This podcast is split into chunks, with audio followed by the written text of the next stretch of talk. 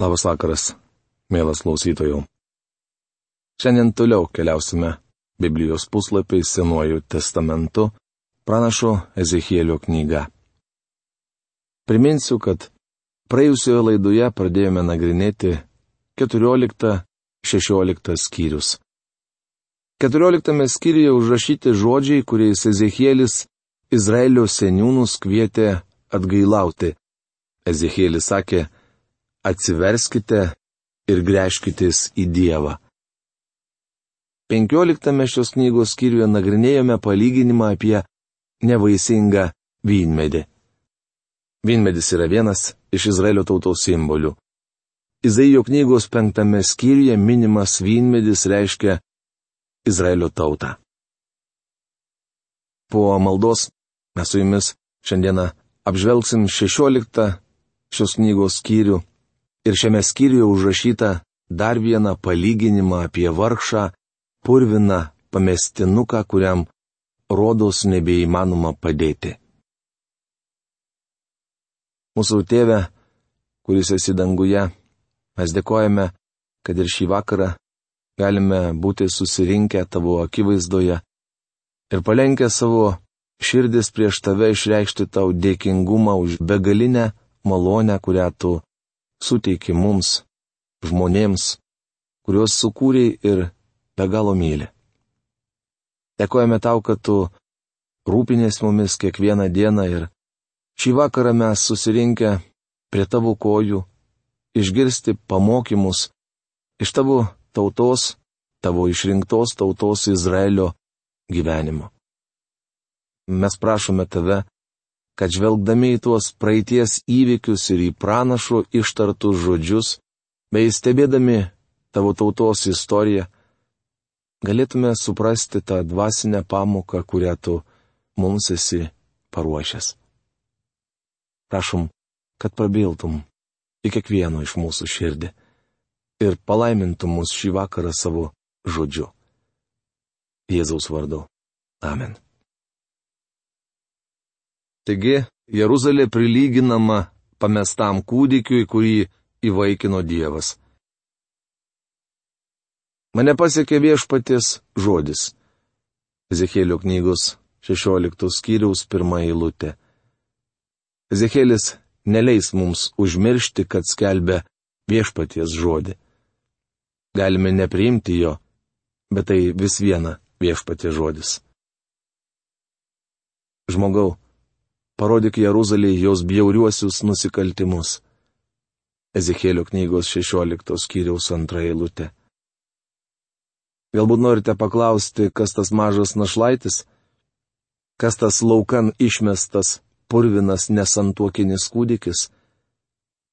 Tai Jeruzalės miestas.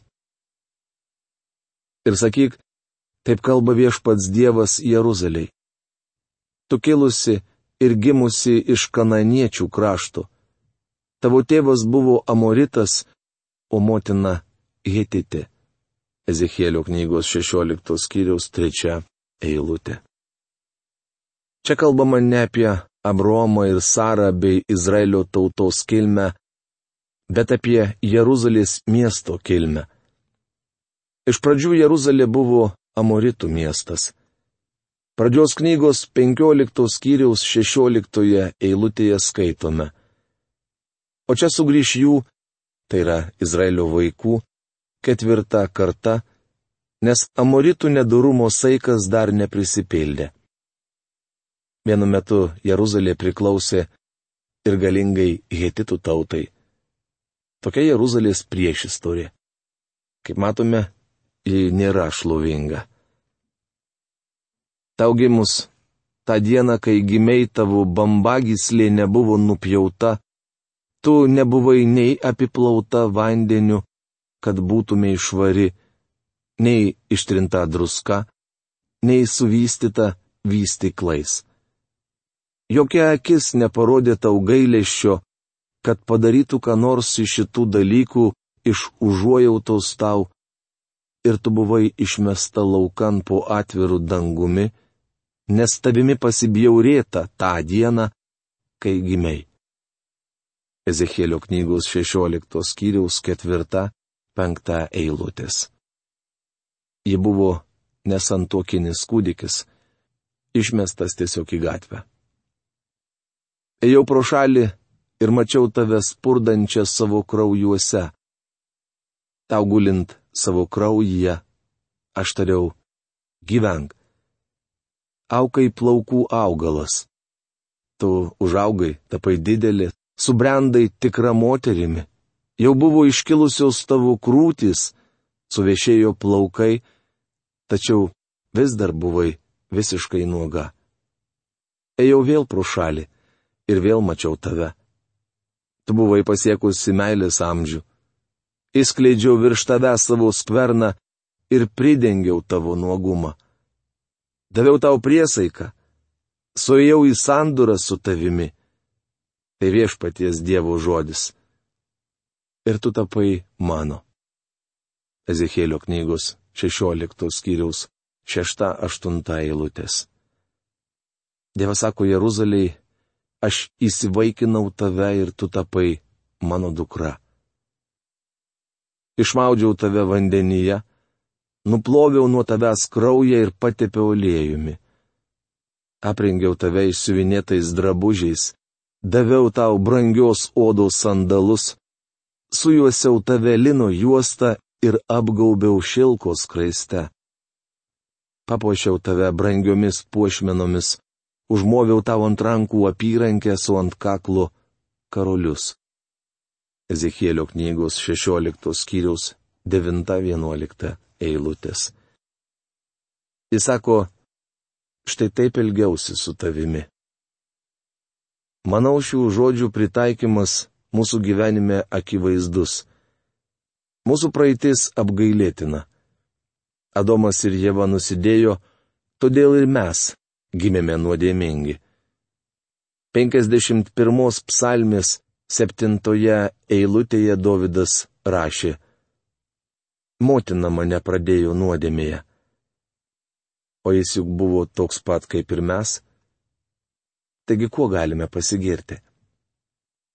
Net jei jūsų protėviai buvo tikintieji, kuo aš labai abejoju jie viso labo nusidėjėliai, išgelbėti Dievo malonę. Mes visi buvome mirę savo nusikaltimais ir nuodėmėmis. Kaip Dievas pasielgė su Jeruzalė? Jis tarė jai, gyvenk. Šešta eilutė. Mums jis yra pasakęs, jūs turite gimti iš naujo. Mielas bičiuli, Dievas davė priesaiką, jog jei patikėsite Kristumi, jis jūs išgelbės. Evangelijos pagal Joną trečiame skyriuje šešioliktoje eilutėje parašyta. Dievas taip pamilo pasaulį, jog atidavė savo viengimi sūnų, kad kiekvienas, kuris jį tiki, nepražūtų, bet turėtų amžiną į gyvenimą. Viešpats paėmė purviną pamestinukę, spurdančią savo kraujuose ir pasakė, išmaudžiau tave vandenyje. Panašiai ir mūsų Dievas atgimdo bei atnaujina šventąją dvasę. Žodžiai nuploviau nuo tavęs kraują reiškia, kad viešpats Jėzus užnešė mano kaltę ant kryžiaus. Šiandien Dievo vaikų neslėgė prigimtinė kaltė. Ir patepiau aliejumi. Šiandien jis patepa savo vaikų šventosios dvasios aliejumi sujuosiau tavelino juostą. Mes apvelkami Kristaus teisumu, kad būtume priimtini Dievui. Kas atsitiko Jeruzaliai? Dievas sako, kad suaugusi, tapusi gražia mergina ėmė paleistuvauti. Kitaip tariant, ji pasinėrė į stabmeldystę ir atsuko Dievui nugarą. Vargas krikščionims, kurie parsiduoda pasauliui už dubenį viralo. Taip, Ezavas buvo pigus parsidavėlis, tačiau tokie patys yra ir daugelis šio laikinių krikščionių. Bičiuli, velnės papirktų daugelį iš mūsų. Mes taip lengvai nutolstame nuo Dievo ir apleidžiame bendrystę su juo. Mėly bičiuliai, norėčiau jūs visus padrasinti, kad būtumėte ištikimi jam. Sugražinsiu jų tremtinius, Sodomos bei jos dukterų tremtinius, Samarijos bei jos dukterų tremtinius ir tavo tremtinius draugę su jų tremtiniais, kad kestumėj savo gėdą, raustumėj dėl viso, ką esi padariusi ir būtumėj jiems paguoda. Kai tavo seserys, Sodoma bei jos dukterys, sugrįši savo senąją gerovę ir Samarija bei jos dukterys sugrįši savo senąją gerovę, tu bei tavo dukteris irgi sugrįšite į savo senąją gerovę. Ezechielio knygos 16 skyriaus 53-55 eilutės. Kai kurios sektos 53 ir 55 eilutėmis, o taip pat 37 Ezechielio knygos skyriumi, grindžia mokymą, kad galiausiai visi bus išgelbėti. Tai dar vienas atvejis, kai kažkokia doktrina grindžiama keliomis iš konteksto išplėštomis šventojo rašto eilutėmis. Taip gimsta klaidžiamokslai ir erezijos. Šiuose eilutėse bei Ezekėlio knygos 37 skyriaus 12 eilutėje, kur Dievas sako, atversiu jūsų kapus ir prikelsiu jūs iš kapų, nekalbama apie nedorelių prisikelimą amžinajam gyvenimui. Tiek vienur, tiek kitur Dievas kalba apie miesto ar tautos atgaivinimą, o ne apie žmonės, kurie gyveno tenai prieš daugelį metų. Čia, Ezekėlio knygos 16 skyriuje Dievas sako, kad Sodomos miestas bus atstatytas. Asmeniškai aš nesuprantu, kas traukia žmonės į tą vietą, tačiau minėtame negyvosios jūros pakrantės regione gyventojų sparčiai gausėja. Skaitydami 37 Ezekielio knygos skyrių pamatysime, kad viešpats kalba apie Izraelio tautos atgaivinimą. Iš tikrųjų, Senajame testamente Dievas nepreiškė tokios ateities, kokia aprašoma Naujajame testamente. Jis neketino prikelti iš numirusių Senojo testamento šventųjų ir pasimti jų į dangų, kur paruošęs jiems vietą. Dievas sako, jog šį planą yra parengęs mums. O Senojo testamento šventiesiems apie tai niekada neužsiminė. Jiems viešpats kalbėjo, jog dangus bus žemėje. Būtent tokio prisikelimo laukė Abraomas. Skaitytoje ištraukoje sakoma, kad tauta bus atgaivinta. Šioje Senojo testamento pastraipoje negalite išvelgti Naujajame testamente išpranašautos įvykių raidos. Tačiau kiekviena Senojo testamento ištrauka atitinka Naujojo testamento mokymą. Naujajame testamente aiškiai nurodoma, jog bus dviejopas prisikėlimas - tikinčiųjų ir pražuvusiųjų. Pastarieji iš numirusių bus prikelti pražuvę. Taigi, šiuose eilutėse kalbama tik apie tautos atgaivinimą. Skaitytą pastraipą turime aiškinti, atsižvelgdami į kontekstą ir nesistengdami išvelgti daugiau negu parašyta. Šis skyrius baigėsi šlovinga gaida. Dievas neužmirš sandūrų, kurias sudarė su Izraelio tauta. Tautos nuodėmė, maištas, nuolatinis bėgimas nuo Dievo nepanaikins jo pažadų. Tačiau aš atminsiu sandūrą su tavimi tavo jaunystės dienomis ir sudarysiu su tavimi amžiną sandūrą. Ir tu atminsi savo kelius ir būsi sugėdinta, kai priimsi savo seseris ir vyresnės už tave, ir jaunesnės už tave, nes duosiu jas tau kaip dukteris, nors ne dėl tavo sandurus. Sudarysiu su tavimi sandurą ir žinosi, kad aš esu viešpats, kad atmintum ir susigėstum, o kai atleisiu visą, kad niekada daugiau nebetvertume į lūpų savo gėdai. Tai viešpaties Dievo žodis. Ezekėlio knygos 16 skyriaus 60-63 eilutės. Dievas sako, kad ne tik atmins ankstesnės sanduros, bet sudarys su savo tauta naują sandurą. Gaila. Bet šios šventojo rašto pastraipos dažnai ignoruojamos. Atidžiau jas ir studijavę įsitikintume, jog Dievo ateities planuose yra vietos ir Izraelio tautai. Ezekėlio knygos 17 skyrius. Mislė apie du erelius. Mane pasiekė viešpatie žodis. Žmogau užmink myslę ir papasakok palyginimą Izraelio namams. Ezekėlio knygos 17 skyriaus 1-2 eilutės. Žodžiai užmink myslę ir papasakok palyginimą Izraelio namams reiškia, kad tauta nenorėjo klausyti Ezekėlio, tad jam reikėjo imtis keistų ir neįprastų metodų. Sakyk, taip kalba viešpats Dievas. Didelis erelis plačias sparnis ir ilga plunksnis Raibas tankia plunksnis atskrido į Libaną.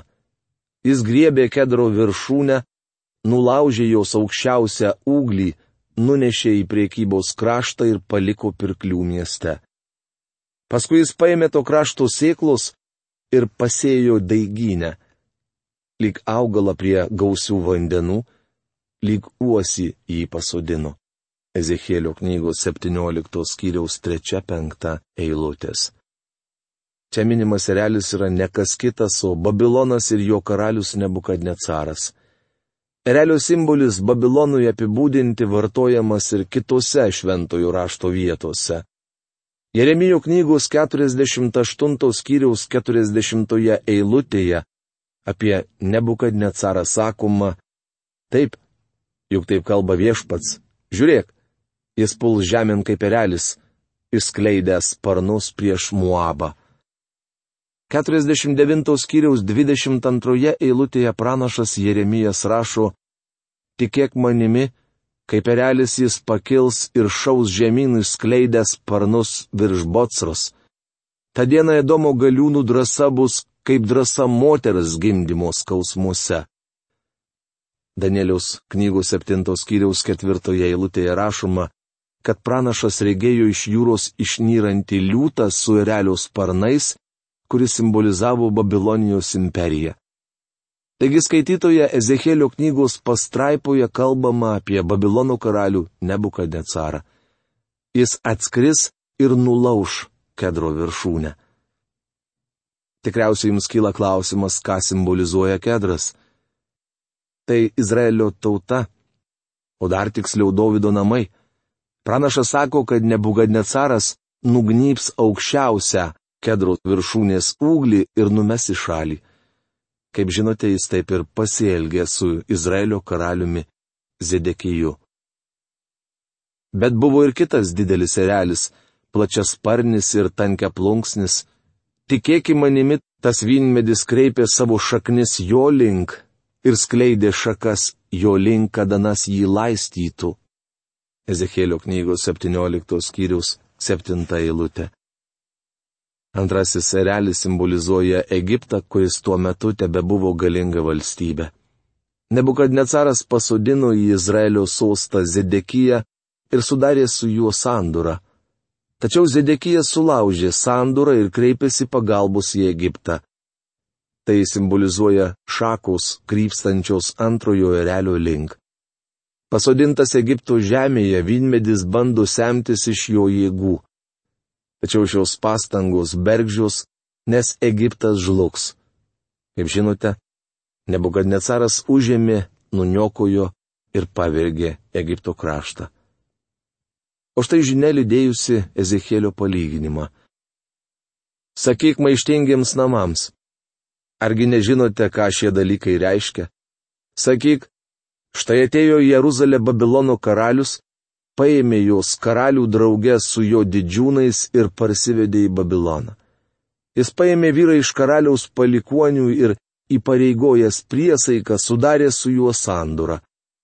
o krašto diduomenė jis buvo paėmęs, kad karalystė būtų nežymi ir kukli, kad laikytųsi jo sandoros ir tokia išliktų. Bet tas pakėlė prieš jį maištą, pasiūsdamas į Egiptą savo pasintinius, kad duotų jam arklių ir daug kariuomenės. Argi jam pasiseks? Nejaugi galima ištrūkti darant tokius dalykus, nejaugi galima sulaužyti sandūrą ir ištrūkti. Ezekėlio knygos 17 skyriaus 12-15 eilutės. Įdomiausia, kad Nebukadnecaras laikėsi sanduros, kurią buvo sudaręs su Izraelio karaliumi. Dievo tauta sulaužė ją, nors pagonys babiloniečiai liko ją ištikimi. Koks kontrastas. Daugelėje bažnyčių esama žmonių, kurie vis dar nešiojasi po pažastimi Bibliją, nors jų širdys toli nuo Dievo. Tokiais žmonėmis tiesiog negalima pasikliauti. Kita vertus, kai kurie neišgelbėti verslininkai yra labai sažiningi ir dori. Pranašas Ezekėlis sako, kad nebukad necaras atžygiuos į Jeruzalę ir nužudys karalių Zedekiją. Dėl to, kad paniekino priesaiką ir sulaužė sandūrą, padarė visus šios dalykus, nors buvo davęs savo ranką, jis neištrūks. Ezekėlio knygos 17 skyriaus 18 eilutė. Dievas sako, aš už tai nubausiu Zedekiją. Bičiuli, man iš tiesų gaila kai kurių krikščionių, kurie vieną dieną paragaus Dievo rykštės už tai, kad netinkamai gyveno žemėje. Kitaip tariant, Dievas teis juos. Visi krašto medžiai žinos, kad aš esu viešpats. Aš pažeminu aukštą medį ir paaukštinu žemą. Nudžiovinu žaliuojantį ir pražydinu nudžiūvusį. Aš viešpats pasakiau, aš ir padarysiu. Ezekėlio knygos 17 skyriaus 24 eilutė. Kartais Dievas leidžia bedieviams sunaikinti tuos, kurie vadina save jo tauta, bet iš tikrųjų yra nusigręžę nuo jo. Šis pasaulis darosi vis moralesnis ir vis labiau tolsta nuo Dievo. Žemę nuolat drebina karai, neramumai ir katastrofos. Nėra pasaulyje ramybės. Dievas sako, kad už savo nuodėmės neišvengsime bausmės. Mūsų laukia teismas. Kad ir kokia liūdna būtų šio vakaro žinia mums, bet vis dėlto mes turėtume prisiminti, kad viešpats yra ištikimas jį mylintiems. Ir kuris nusigrėžia nuo nuodėmės ir atsigrėžia į Dievą pripažindamas jį visagaliu, visavaldžiu ir pasikviečia į savo širdį yra išgelbėjimas ne dėl to, kad jisai yra labai geras ar darytų ką nors gerą, bet dėl to maloningumo, kurį jam parodo visagalis. To jums visiems linkėdamas baigiu šią laidą. Iki greito sustikimo. Sudė.